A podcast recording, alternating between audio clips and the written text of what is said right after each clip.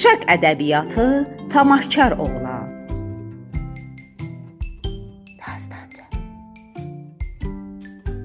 Quyuda yaşayan bir ilan görüşünə gələn gənc oğlana hər gün bir dənə qızıl verirmiş.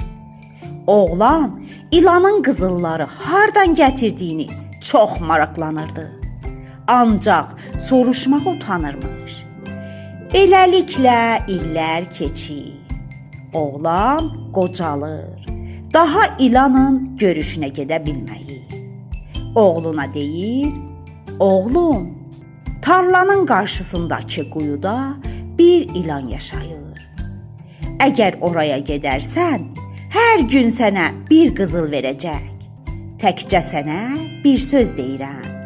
Buna diqqətlə qulaq as. Bir bu ki, qızılın çoxuna könül vermə.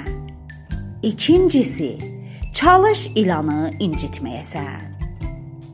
Oğlu deyir, baş üstünə.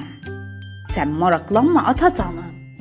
Sözlərini qulağıma sırğa edəcəm. Belə olur ki, hər gün qoyunun başına getməyə başlayır. Bir tərəfdən də öz-özünə deyir: Kim bilir o quyunun içində neçə min dənə qızıl vardı. Bu düşüncəni içindən ata bilmir. İlanın hər gün təkcə bir qızıl gətirib verdiyini yox, bəlkə qızılların hamısına birdən sahib olmaq istəyir. Bu amacına çatmağın təkcə bir yolu var idi. O da ilanı tutub uzaqlara aparmağıdır. Eləliklə qızılların hamısını ələ gətirə bilərdi. Sabahısı gün qalxıb quyunun başına gedir. İlan ağzındakı qızılı verərkən oğlan ilanı tutub torbaya salmaq istəyir. O an ilan oğlanı sancır. Demək ki, ilan çox zəhərli imiş. Oğlan evə qayıdıb xəstələnir. Bir ilan insanla dostluq qura bilirsə, bu dostluğa çox dəyər vermək lazımdır.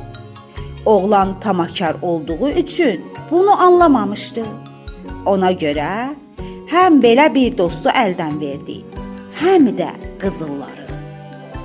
Köçürüb uyğunlaşdıran və səsləndirən Vida Heşməti